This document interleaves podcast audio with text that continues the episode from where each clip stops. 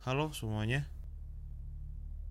Thank you udah mau mampir ke channel podcast gue ini. Gue sangat berterima kasih kepada kalian semua yang udah Sempet-sempetin waktunya buat Streaming podcast gue. Ya walaupun mungkin dari daripada kalian ada yang takut ya. Udah takut tapi tetap di, tetap didengerin aja. Ya memang kebiasaan sih.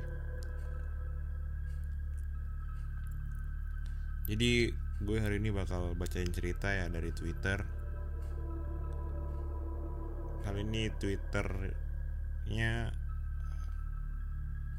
oke dari twitter at pak pak d underscore beja ini judulnya gue agak familiar ya. Familiar gak sih? Iya judulnya nunut. Kalau nggak salah nunut itu arti dalam bahasa Jawa eh itu kan bahasa Jawa ya. Berarti arti dalam bahasa Indonesia nya numpang kalau nggak salah ya numpang. Iya sih. Soalnya di sini ada tulisan boncenganmu tidak kosong. Ya fiksi fiksi nunut itu numpang ya fix. Dan sebelum cerita gue mau cerita nih. Sebelum cerita gue mau cerita. Jadi gue pernah dengar cerita dari teman gue. Jadi dia itu pernah balik dari nongkrongnya lah tongkrongannya lah. Jadi mereka ini nongkrong sampai jam kurang lebih jam satu malam dua malam. Terus pas sudah bubar semua lah ya teman gue ini balik lah balik ke rumah. Temannya juga balik ke rumah. Dan teman gue ini jalurnya beda sendiri. Jalur apa ya jalur baliknya lah. Misalnya kalau temannya ini ke kanan dia ini ke kiri. Jadi ya memang dia sendiri dari tongkrongan itu dia sendiri sampai ke rumah. Jadi dia cerita gini. Kalau dia itu bawa motor memang rasanya sendiri. Dari awal tuh sendiri tapi entah kenapa dia tuh bawa motor tuh kayak berat. Kayak tahu nggak sih kalau misalnya lu bawa motor lu bawa lu bawa motor sendiri sama lu bawa motor berdua. Lu tahu nggak sih bedanya kan? Ya beratnya pun beda lah. Dari bawa stangnya pun juga berat kan? Jadi dia tuh mulai terasa berat pas ngelewatin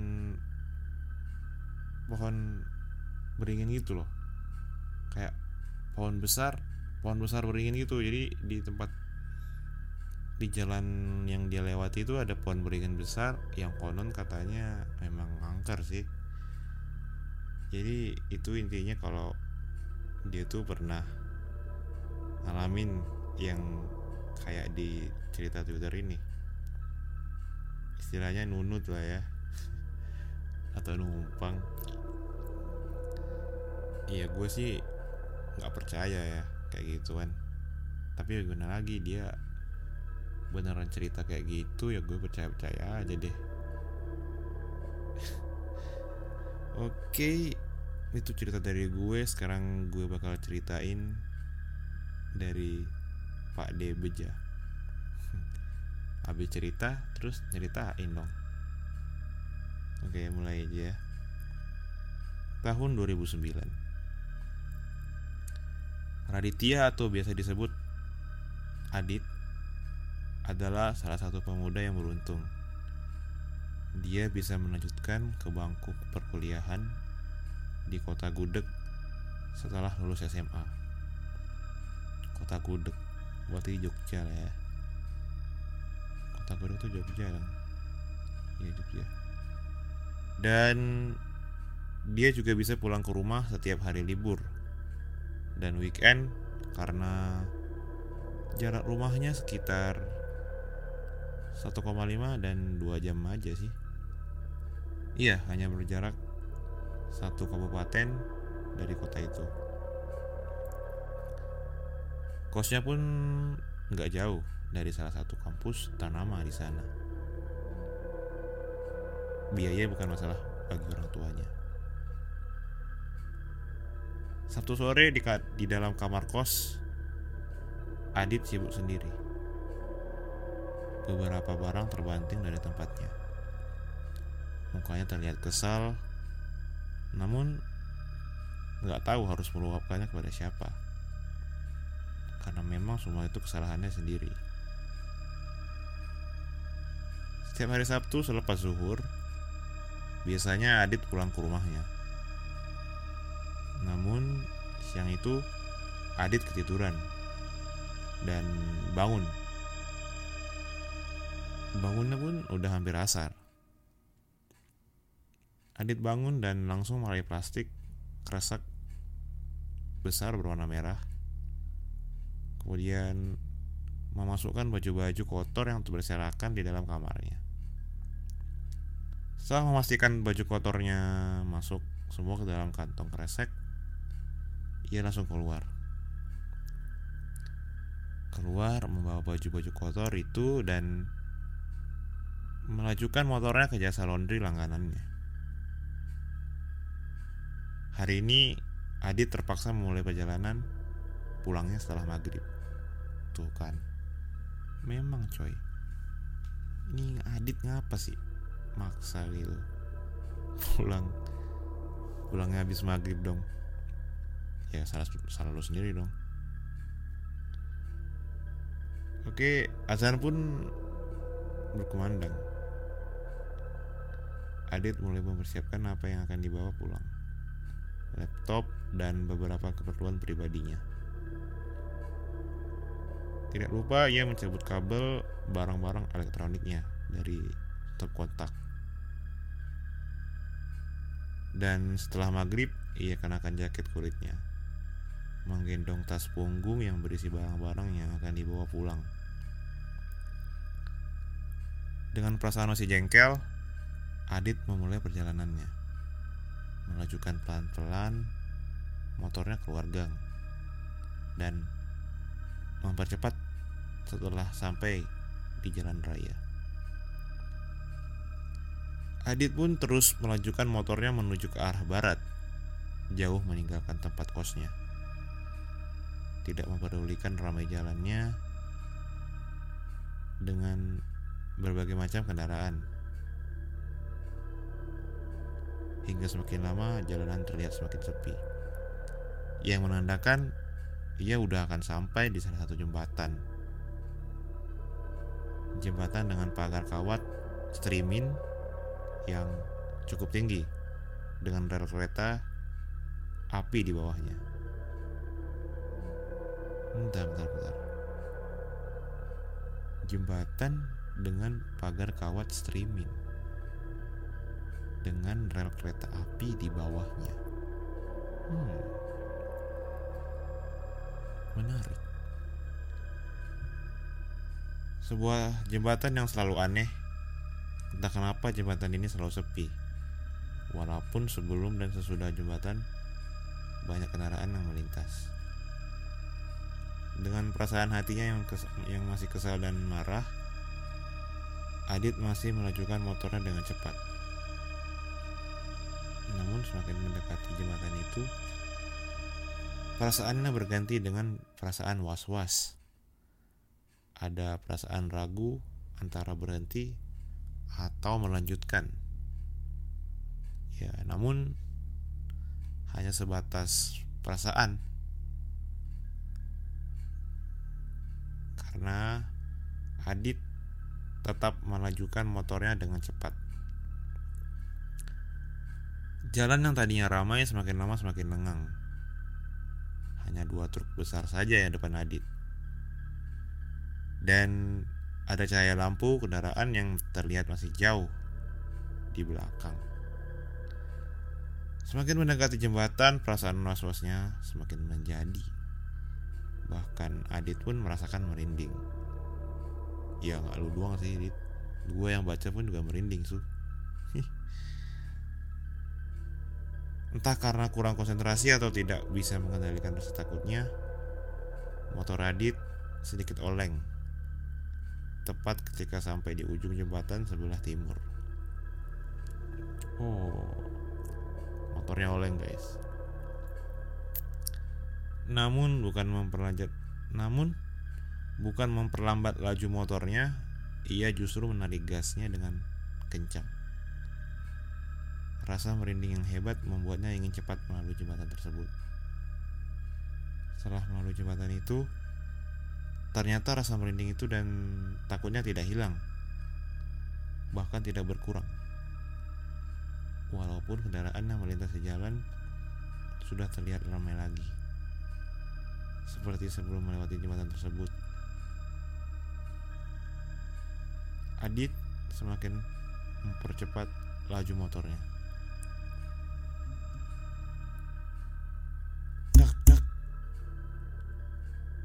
Depan dan belakang motornya melewati jalan yang rusak dan banyak lubang kecil. Namun untungnya ia masih bisa mengendalikannya. Setelah hampir satu jam setelah melewati jembatan, ia hampir sampai rumahnya. Adit memelankan laju motornya karena sudah memasuki area pedesaan. Dan akhirnya sampai di halaman rumahnya.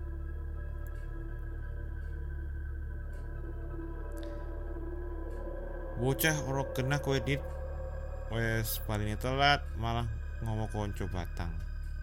Guys artinya anak nggak jelas kamu dit. Udah pulangnya telat. Malah bawa teman bangkai. Anjir gue bacanya merinding sih. Sumpah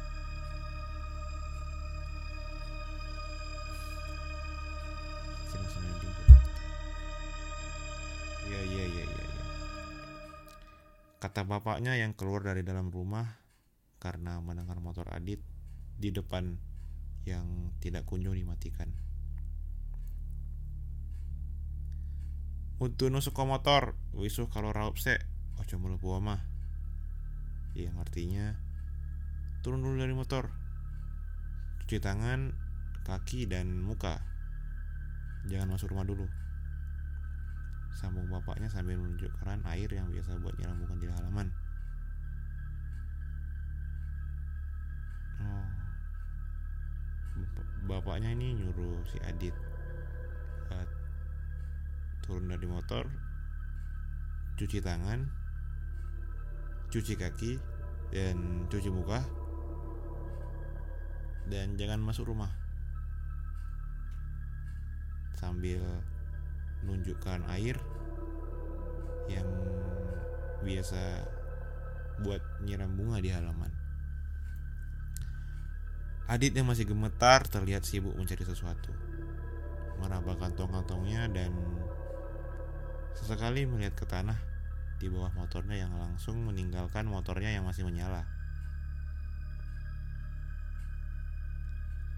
Kunci motor Adit hilang. Mungkin jatuh dari tempatnya saat melewati jalan rusak tadi.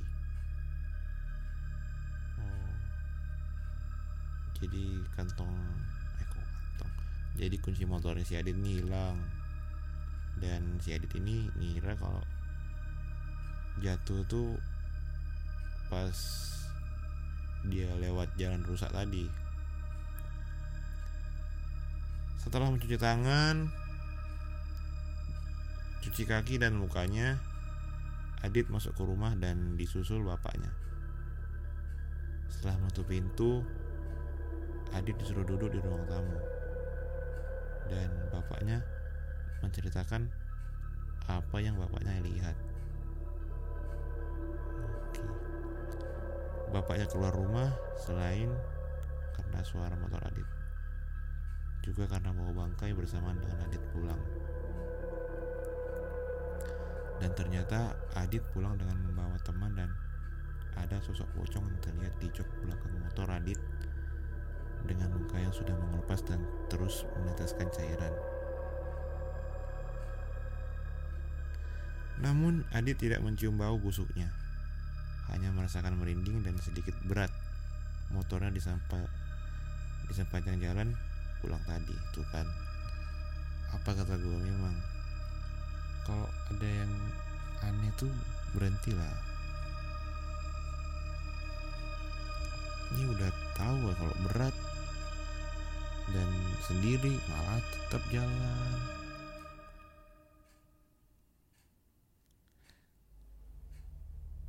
Awakmu lali mau dongo mesti. Kamu lupa, lupa baca doa pasti. Tanya bapaknya Adit yang kemudian diiakan oleh Adit. Iya pak, soalnya mau kerusak kerusu kesoran kali ini. Ya artinya iya pak. Soalnya tadi nggak tenang dan kesorean pulangnya. Jawab Adit yang mukanya masih pucat. Mung, Bismillah wae cukup dit nek saking ora iso macane. Cuma bismillah aja cukup dit kalau saking tidak bisa bacanya. Sambung bacanya. Eh sambung Sambung bapaknya. Kemudian Adit disuruh mandi dan bapaknya mengurusi motor Adit yang masih di halaman. Selesai. Jadi pesan moral dari cerita ini adalah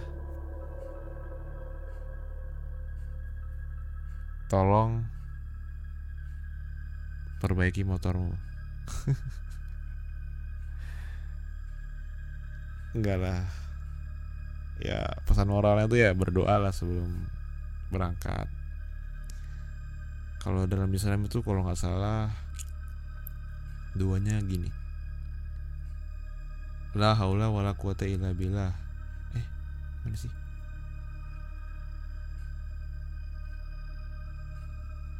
Eh, anjir lupa gua dong.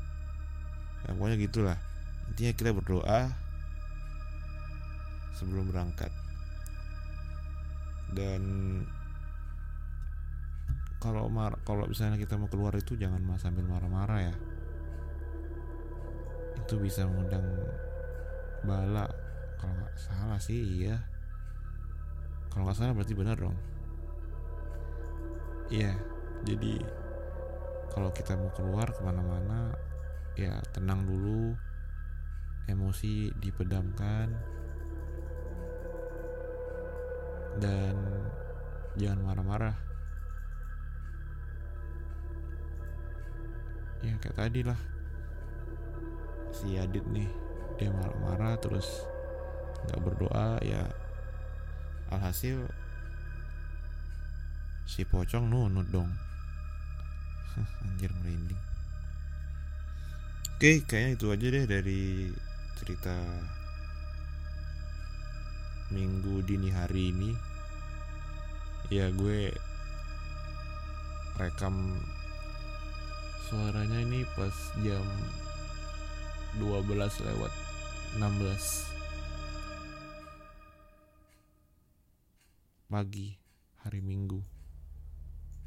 Gue baru balik dari nongkrong. Ya alhamdulillah nggak ada apa-apa